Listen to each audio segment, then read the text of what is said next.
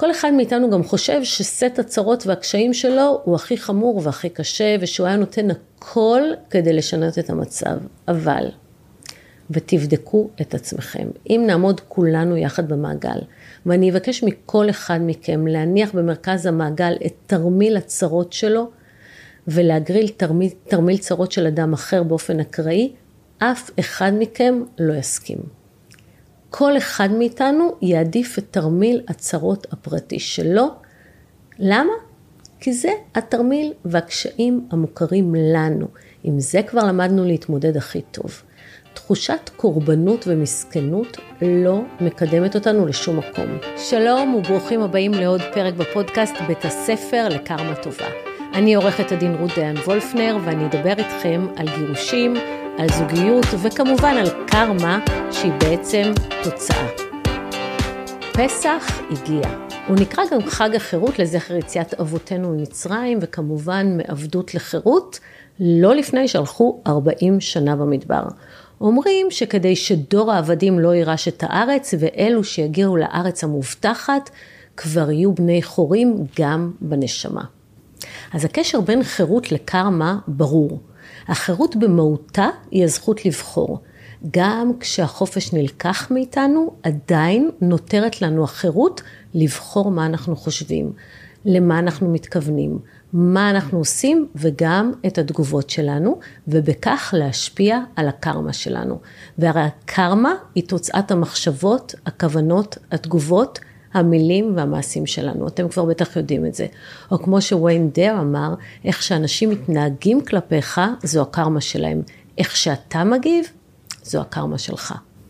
במסע שלנו להפוך לבני חורין ולהגיע לארץ המובטחת, זאת אומרת לממש את השאיפות והחלומות שלנו, אנחנו לפעמים נושאים עמנו מסע מיותר שממש מאט אותנו, ושאם לא נשחרר אותו, נמצא את עצמנו הולכים 40 שנה במדבר, בלי להגיע לארץ המובטחת.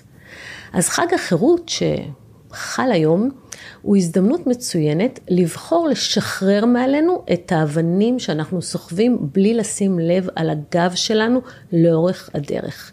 ואני רוצה להציע לכם לקחת את הפרק הזה כהזדמנות. הזדמנות לזהות דפוסים מעכבים שסיגלתם לעצמכם במהלך השנים. אחרי שתזהו את הדפוסים האלה, אתם תוכלו באמת להתחיל לנסות להיפטר מהם, ולחיות באמת חיים טובים יותר, משוחררים יותר. אז את הפרק ילווה אותנו סיפורם של אורי וגילית, שאת תחילתו הכרתי לפני שנים ואת סופו שמעתי השבוע. הסיפור של אורי וגילית הוא סיפורם של זוגות רבים בווריאציה כזו או אחרת. את האבנים שהם נשאו עימם נושאים גם רבים אחרים, לעתים מבלי לשים לב לא לעצם קיומן ולא לעומס משקלן. קבלו חמש אבנים מכבידות שמומלץ לשחרר מעצמכם לכבוד חג החירות. אז בואו נתחיל עם תלות כלכלית. תלות כלכלית היא גורם הרסני בחיים. אם את תלויה כלכלית, תשימי לעצמך מטרה לעשות כל מה שאת יכולה כדי להשתחרר מהתלות הכלכלית, ומוטב מאוחר מאשר לעולם לא. בנוסף, גם אם אתם אלו שתלויים בהם כלכלית, תעשו כל מה שאתם יכולים כדי לסיים את, את התלות הכלכלית ולאפשר עצמאות. בגלל שכל עוד קיימת ביניכם כבני זוג תלות כלכלית, שניכם עבדיה. לא משנה באיזה צד של התלות אתם נמצאים. אז אורי וגילית, אלה שדיברתי איתכם עליהם קודם, היו נשואים 15 שנים. אורי היה המנכ"ל של חברת סטארט-אפ רגע לפני הפריצה הגדולה, וגילית, שהייתה עורכת דין צעירה עם אופק קידום ברור, הפסיקה לעבוד אחרי הולדת בנם הבכור. גלית הייתה מהאנשים האלו שהצליחו לעשות הכל במקביל, ולכן היה די ברור שהיא תמשיך לעבוד כרגיל לאחר חופשת הלידה. אבל אורי חשב אחרת. את אימא מדהימה, ועדיף שהילדים יגדלו עם אימא ולא עם מטפלת, ממילא המשכורת שלך בקושי תכסה את המטפלת, אמר אורי לגילית, וכך היה. גלית ראתה את עצמה כמי שמקריבה את חייה ואת הקריירה שלה למען הילדים והמשפחה. והיא עשתה את זה באמת באהבה רבה ובקורבנות מושלמת. הבעיה עם תלות כלכלית היא שמעבר לזה שהיא מכבידה כמשקולת, היא גם יוצרת חוסר הערכה וחוסר עניין, ולא, היא לא שקופה. למרות שגילית הפסיקה לעבוד בעידודו של אורי, ולמרות שעם השנים נולדו להם שלושה ילדים, והיא הייתה, באמת הייתה אימא וראיה מושלמת. היא בכלל לא לקחה בחשבון שבאיזשהו שלב פשוט תתחיל לשעמם את אורי, ושארוחות הערב המפנקות שהיו מחכות לו יום יום על שולחן האוכל כשהוא חוזר הביתה, והגזרה המושלמת שהיא דאגה לטפח באימונים רצחניים ובדיאטות אה, כסח, לא יספיקו לו. גילית לא לקחה בחשבון שאורי יפסיק להעריך אותה ויתחיל להתייחס אליה כמו אבן ריחיים שתלויה לו על הצוואר. והנה, לפני חמש שנים, גילית לקחה לאורי את הטלפון בזמן שהתקלח כדי לשלוח לעצמה תמונות של הילדים. ומה קרה? הפתעה. היא הופתעה למצוא בטלפון שלו תכתובת מביכה עם שרית חברתו לעבודה. היו שם לבבות, רמיזות מיניות ומחמאות על הגוף הסקסי שלה. אני לא צריכה לספר לכם שאף אישה לא רוצה לפגוש התכתבות כזו בטלפון של בעלה. גילית לא חיכתה שאורי יצא מהמקלחת, והיא עשתה לו סצנה מהגיהנום. יא בוגד, לך תחפש מי תבשל לך, היו רק חלק קטן מהדברים שאורי שמע באותו ערב. לאחר שנרגעו הרוחות וגילית טיפה נרגעה, הוא הודה שהתכתובת אכן חרגה מיחסי עבודה תקינים, ושהוא באמת עשה טעות לא בסדר, שהוא לא בסדר. ובשביל להרגיע את גילית, הוא נשבע לה שהוא לא בגד בה בחיים, ושלא היה כלום ולא יהיה כלום, כי אין כלום. והוא התחנן שתסלח לו, ולמרות שהוא לא בגד, כי היא ורק היא אם ילדיו ואהבת חייו. גילית לא לגמרי האמינה, אבל היא ניסתה בכל זאת להמשיך הלאה, ללא הצלחה. כל יום שאורי הלך לעבודה, הסרטים שבראשה התחילו לרוץ, אבל לא הייתה לה ברירה אלא להישאר. התלות הכלכלית שלה באורי כבלה אותה אליו, ולא אפשרה לה להחליט באופן עצמאי לאן היא רוצה להגיע איתו. הסיפור של גילית ואורי ממחיש לנו כמה התלות הכלכלית היא נזק לזוגיות. הצד התלוי כלכלית לא יכול להחליט את ההחלטות הטובות ביותר בשבילו וללכת אחרי הלב, הלב שלו. והצד שבו תלויים כלכלית הוא בעל היכולת להתוות את הדרך כמו שהוא רוצה וממש בלי להתחשב בצד השני, בעל המאה ובעל הדעה. ולכל מי שמאזין או מאזינה לפרק הזה, וחושבים לעצמם שזה כבר מאוחר מדי, ושהיא כבר מבוגרת, ואין שום סיכוי שהיא תצליח לצאת לעצמאות כלכלית בגילה המופלד, די לך שאף פעם לא מאוחר להשתחרר מתלות כלכלי. ואני אומרת את הדברים מניסיון של הרבה מאוד לקוחות שלי. טיפול רגשי או אימון אישי מוצלח יעזרו לכם למצוא את הדרך הנכונה עבורכם לצאת לעצמאות כלכלית, וזה שווה כל הון שבעולם. ולכם, אלו שתלויים בהם כלכלית, אני אגיד שעם כל הרצון שהילדים שלכם יגדלו עם אימא בבית, תזכרו שלילדים שלכם עדיפה אימא שמגשימה את עצמה ושמממשת את שאיפותיה, ולא אימא שממורמרת על הקריירה האבודה שיכולה הייתה להיות לה. האבן הבאה שכדאי לשחרר זה רגשות אשם. כולנו חיים את חיינו עם מידה כזאת או אחרת של רגשות אשם. אדם חסר רגשות אשם לחלוטין הוא אדם חסר מצפון, נרקסיסט ממאיר אפשר לומר, כי רגשות אשם בעצם שומרים על המצפון שלנו ועל אמות המוסר שהצבנו לעצמנו. רוב האנשים הנורמטיביים מסוגלים לנהל את רגשות האשם שלהם, לאזן בינם לבין הצרכים שלהם, ולא לתת לרגשות אשם לנהל את החיים שלהם, אבל לא כולם. מקורם של רגשות האשם הוא בדרך כלל חיצוני. הם יכולים לנבוע מבן או בת זוג שלא לוקחים אחריות על המעשים שלהם ומטילים עליכם את האשם. הם יכולים לנבוע גם מתפיסות חינוכיות שהוטמעו בכם בילדות. לא הורסים לילדים את החיים, או מתפיסה שאם בחרתם באושר האישי שלכם או בקריירה תובענית, אתם אגואיסטים שרואים רק את עצמכם, ובכך מטבע הדברים פוגעים בעיקרים לכם בכלל וכמובן בילדים בפרט. אז כשאורי החליט לעזוב את הבית לפני כמה שנים, רגשות האשם הרגו אותו. גילית לא הפסיקה להטיח בו שהוא הרס לה ולילדים את החיים. לקח לה את השנים הכי יפות, פירק את הבית ואת המשפחה היפה שלהם והרס לה את הקריירה המטורפת שהיא יכולה הייתה לבנות. היא אמרה לו שהוא חלאה, שאלוהים יעניש אותו על מה שהוא עשה לה ולילדים, שהיא תעשה הכל כדי שהילדים ידעו בדיוק מי זה אבא שלהם. היא עוד אמרה שהוא ימצא את עצמו לבד בעולם, שהיא עשתה כל מה שהיא יכולה כדי לגרום לו להרגיש טוב, ועכשיו הוא עומד להתחרט על הרגע שבו הוא החליט להיפרד ממנה. הקללות שלה, האיומים והתחינות שלה לא נפלו על אוזניים ערלות. רגשות האשם התיישבו לאורי על הנשמה ולא הרפו. עד שהוא החליט לנסות שוב. אלא שהדרך חזרה לגילית הייתה כואבת לא פחות מהדרך החוצה. כשאורי חזר הביתה, גילית אמנם קיבלה אותו בשמחה, אבל היא הרגישה צורך אז להעניש אותו על זה שהוא העז אפילו לחשוב על לפרק את הבית, והיא לא חסכה ממנו שום דבר, גם כשהוא חזר.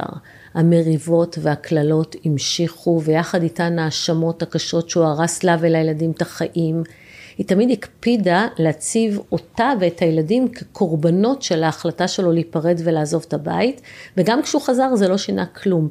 כל הזמן היא עוררה אצלו רגשות אשם כבדים והצליחה. אורי כבר לא יכול היה לשאת את ההצלפות הקשות שפגעו לו ישר בלב. הוא אמר לה, בואי ננסה ללכת לטיפול זוגית. והיא אמרה, מה פתאום? היא לא הסכימה, היא אמרה לו, אני ממש לא צריכה טיפול. אם לא היית מפרק את המשפחה, גם הזוגיות שלנו לא הייתה צריכה טיפול. והיא אמרה שהיא אישה טובה, שנתנה לו את החיים שלה, ומי שצריך טיפול, בשביל להבין למה הוא דפוק, ואיך הוא יכול היה לקחת ככה משפחה ולהרוס אותה, מי שצריך את הטיפול כאן זה הוא. והיא אמרה את הדברים האלה שוב פעם ושוב פעם, וסירבה ללכת לא לטיפול זוגי ולא לטיפול בעצמה. ביג מיסטייק. כשאתם לא רוצים להיפרד ומציעים לכם טיפול זוגי, אל תסרבו ואל תשלחו את בני הזוג שלכם לטפל רק בעצמם. זה טיפ ששווה זהב, תאמינו לי. כי אורי באמת הלך לטיפול בעצמו, והטיפול עזר לו להבין לאחר זמן ממש קצר את המחיר שכולם משלמים על רגשות האשם שלו. הוא על זה שהוא חי בלי אהבה והערכה עם בת זוג שלא תסלח לו, ושהפכה מזמן כבר למשקולת עבורו. בבית שהפך מזמן לשדה קרב. הילדים על מודל הזוגיות החבוטה והתלותית שהודגם להם במשפחה ועל זה שהם נחשפים למריבות וקלילות, וקללות כל יום.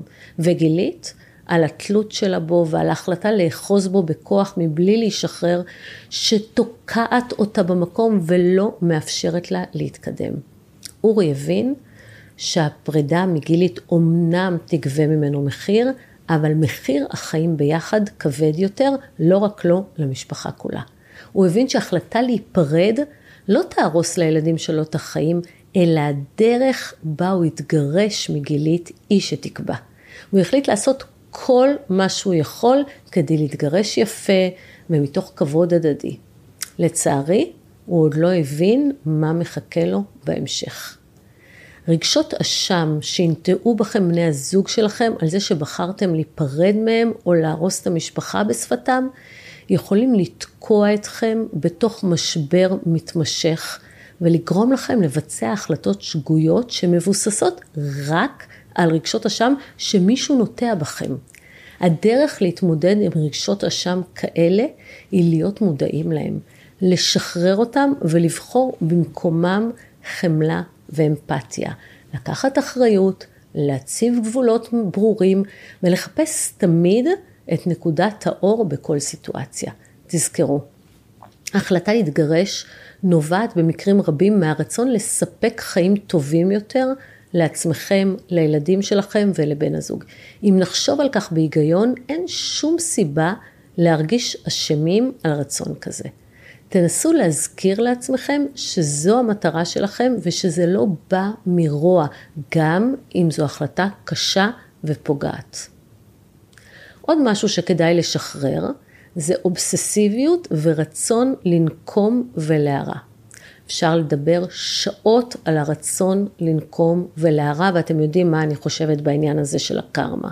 זה אבנים מאוד מאוד כבדות שמעכבות אתכם וחוסמות אתכם ואפילו יכולות למוטט אתכם, ומאוד מומלץ להיפטר מהם כמה שיותר מהר.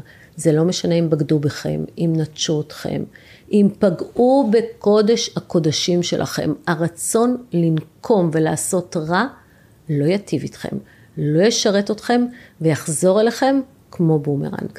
צריך להפנים את העניין הזה ש-karma is a bitch ומי שעושה רע מקבל רע. נחזור לאורי וגילית, למרות שהם התגברו לכאורה על משבר ההתכתבויות עם שרית. גלית הייתה, כמו, כמו שאמרתי, אובססיבית, והזכירה אותה בלי סוף, וכל פעם שאורי חזר מאוחר מהעבודה, היא הייתה שואלת אותו, אני מבינה שנהנית עם שרית, אה? ואז כשפרץ המשבר ואורי הודיע שהוא החליט לעזוב, כמו שסיפרתי לכם קודם, גילית הייתה בטוחה במאה אחוז שאורי עוזב את הבית בשביל לחיות עם שרית. אנחנו בחיים לא נדע אם באמת הייתה בגידה או לא. זה סוד ששמור רק לאורי ושרית, אבל זה גם לא משנה. ההחלטה של אורי לעזוב כאבה לגילית הרבה יותר מכל בגידה. על בגידה היא הייתה מוכנה לסלוח, אבל על כך שהוא החליט לעזוב אותה, היא נשבעה שהיא בחיים לא תסלח ולא תשכח. וכשגילית מחליטה לא לסלוח, היא הורסת כל חלקה טובה שנקראת בדרכה. למרות שאורי באמת עשה כל מה שהוא יכול בשביל להגיע איתה להסכם הוגן וראוי ומכבד, גילית יצאה למלחמה. היא גייסה את כל התותחים הכבדים שעמדו לרשותה. כמו שאמרתי לכם, מבחינת גילית במלחמה, כל האמצעים כשרים. והיא עשתה מה שהיא יכולה בשביל לפגוע באורי ולהזיק לו. הוא עוד ישלם את המחיר על מה שהוא עשה לי, היא אמרה לכל מי שהיה מוכן לשמוע. כל פעם שאורי היה עולה בשיחה, גם אם באופן שולי לגמרי, היא דאגה לתקן את שמו להבוגד. היא פשוט לקחה לעצמה כמטרה למוטט אותו ולהשחיר את שמו כמה שרק יכלה, ובפני כל מי שהיה מוכן לשמוע אותה. היא גם לא הסתירה את זה בכלל. היא, היא אמרה לו שיהיה לו ברור לאן פניה מועדות, היא שלחה לו מייל ארוך ונוקב וחתמה את עשרות שורותיו במילים. אני העליתי אותך למעלה, בזכותי הגעת להיות מנכ"ל, בלעדיי אתה כלום, נפילה נעימה. אני אעשה לכם ספוילר ואגלה לכם שבהמשך הדרך המייל הזה יעלה לה ביוקר. מסע הנקם התחיל בלהגיש תלונות שווא במשטרה על אלימות קשה כנגד הילדים וגם כנגדה, כולל אונס ברוטלי שתואר לפרטי פרטים. ואחרי האונס הזה היא טענה, אורי עזב את הבית. זמן קצב לאחר מכן המשיך המסע בהסתה בלתי פוסקת של הילדים. אתם יודעים למה היא מעצובה? כי אבא נטש אותה ואותכם, ובטענות שאורי הוא אבא לא כשיר, שהוא מרמה ומבריח כספים. בהמשך, היא יצרה קשר עם הבעל של שרית, ושלחה לו העתקים של התכתובת ההיא מלפני שנים. מסתבר שגם ככה היחסים בין שרית לבעלה היו די גרועים, והפנייה של גילית אליו רק זירזה את הקץ, ועל הדרך דחפה את שרית הישר לזרועותיו של אורי. אבל את זה גילית עוד לא ידעה. מאוחר יותר, כשהיא תגלה שאורי ושרית מנהלים רומן סוער, רווי בתי מלון ונסיעות משותפות לחו"ל, היא תנסה לשרוף אותם בזעמה ולא תחסוך מהם קללות ואיחולים, אבל זה לא עזר לה. בשלב הזה אורי כבר שחרר לחלוטין את רגשות האשם שכבלו אותו אליה. אמרתי לכם שכולם יכולים. למרות האש הבלתי פוסקת שגילית המטירה עליו, ולמרות הסיוט שגילית ניסתה והצליחה להעביר את אורי, אורי לא התייאש, והוא ניסה כל הזמן להגיע להסכמות. הוא אפילו היה מוכן לחתום על הסכם ממש ממש נדיב. פעם הוא אמר לי, זו פשוט הדרך שלה להביע אהבה. ואני הייתי בשוק. גילית ניהלה באמצעות עורך הדין המנוסה שלה מסע ומתן מאוד מאוד קשוח. כל פעם שהיו הסכמות, היא דרשה להכניס עוד סעיף. ולמחוק סעיף אחר, ואחר כך שוב פעם. ובפגישות המשא ומתן שניהלנו, היא הטיחה בו מילים נוראיות וקללות, ומדי פעם זרקה משפטים שגרמו לו, שגרמו לי לחשוב שהיא פועלת גם באמצעות אחרים. ואורי כמו אורי. חתול עם תשע נשמות, הוא לא נתן לסיוט שהוא עבר להשפיע עליו, ממש לא. הוא היה נחוש להגיע להסכם והסתכל על גילית בחמלה, רק כדי לסבר את האוזן, לפי ההסכם שעמד על הפרק, הייתה גילית אמורה לקבל את כל דירת המגורים שלהם, פנטהאוז ברמת אביב, בשווי של 8 מיליון שקלים, ועוד 12 מיליון שקלים נטו בגין החלק שלה במניות חברת הסטארט-אפ שאורי אה, הקים לפני כמה שנים. וכבר הושקעו בחברה הזאת לא מעט כספים באמצעות קרן הון סיכון. בשלב הכמעט סופי של ההסכם, שכבר עמדנו לפני חתימה, גילית סירבה לחתום ואמרה שהיא צריכה עוד כמה ימים כדי לחשוב ולהתייעץ. כעבור יומיים בבוקר, שהיה נראה לאורי כמו עוד בוקר יום שלישי רגיל במלחמה שמלווה את חייו, הגיעו שוטרים בלבוש אזרחי לבית של אורי בשעה שש בבוקר ובידם צו חיפוש. הרשות לניירות ערך קיבלה מידע אנונימי, בגינו אורי נחקר בחשד לשימוש במידע פנים. החקירה הזאת עשתה הרבה מאוד נזק לאורי. הוא הושעה מיידית מהתפקיד שלו כמנכ"ל חברת ההזנק, והמשקיעים הודיעו שאם החקירה תימשך, הם מושכים את ההשקעות שלהם ומנתקים מגע מהחברה. לאורי היה ברור שהחקירה הזאת לא צצה יש מאין. המידע עליו, אה, המידע עליו התבססה החקירה הגיע מגילית. היא ידעה הכל, גם את מה שהוא לא סיפר לה. כחלק מהאובססיביות והחטטנות שלה, וכמו שהיא אימה, היא עשתה בזה שימוש. גילית לא חשבה על דבר אחד. הרצון לפגוע באורי עלה לה ביוקר. ההסכם הנדיב שהוצע לה כבר לא עמד על הפרק. הם התחילו בהליכים משפטיים. סכום המזונות שנפסק בבית המשפט היה בדיוק רבע מהסכום הנדיב שאורי הציע לשלם לה בהסכם שלא נחתם. שווי חברת הסטארט-אפ לפני, לפיו התנהל המשא ומתן כבר לא היה רלוונטי בכלל, למרות שגילי תבעה לחייב את אורי לשלם לה את השווי שהוסכם, מומחה מטעם בית המשפט קבע שלא ניתן להעריך היום את שווי המניות, הסטארט-אפ הזה כבר לא היה קיים.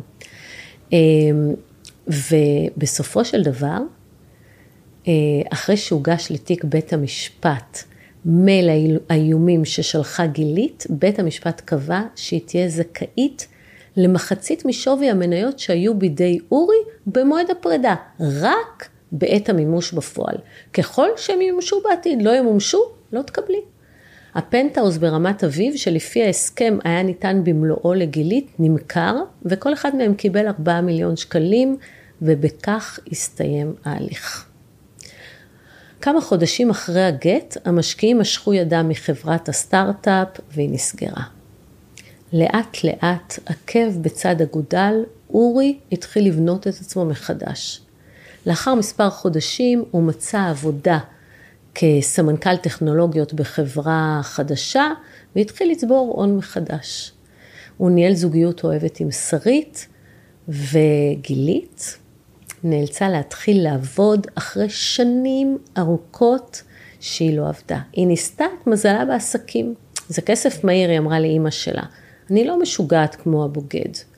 בחור איתו יצאה לכמה דייטים, הלהיב אותה על מיזם חדשני ושכנע אותה להשקיע, להשקיע במיזם הזה 800 אלף ש"ח מתוך כספי מכירת הבית, והוא מבטיח לה שתוך חצי שנה היא מכפילה את הכסף. שבועיים לאחר מכן הוא נעלם עם כל הכסף. גילית נשארה לאחר תשלום שכר טרחה לעורך הדין שלה, עם סכום שממש לא הספיק לה לקנות דירה. ואיך אני יודעת על סיפור העוקץ המפואר של גילית, אתם בוודאי טועים, אז אני אספר לכם. ממש לפני שבועיים, כשאני נמצאת במסדרון בית המשפט כהרגלי, פגשתי את עורך הדין של גילית, והוא סיפר לי על כל מה שהתרחש והוסיף. איך את אומרת? קרמה איזה ביץ' לא ככה? אז הסיפור של אורי וגילית הסתיים, אבל הפרק שלנו עוד לא הסתיים, בכל זאת פרק לפסח. לקראת סיום, אני רוצה להציע לכם להשתחרר לכבוד חג החירות שבא עלינו לטובה, גם מרחמים עצמיים ומתחושת קורבנות. כל אחד מאיתנו הרגיש בחיים שלו איזשהו קושי אובייקטיבי, או הליך גירושים, או פרידת טריה, סיטואציה רפואית לא פשוטה, אבל, יש הרבה מאוד משברים בחיים שלנו. אמ, חלק מכם חווים ממש עכשיו כמה משברים ביחד. אתם יודעים, צרות באות בצרורות. יש, צרות, יש תקופות בחיים שהקשיים הם כל כך רבים, עד כדי כך שאנחנו מרגישים שצריך ממש להיאבק אקטיבית בשביל להרים את הראש מעל כל הטירוף, בשביל להצליח לנשום.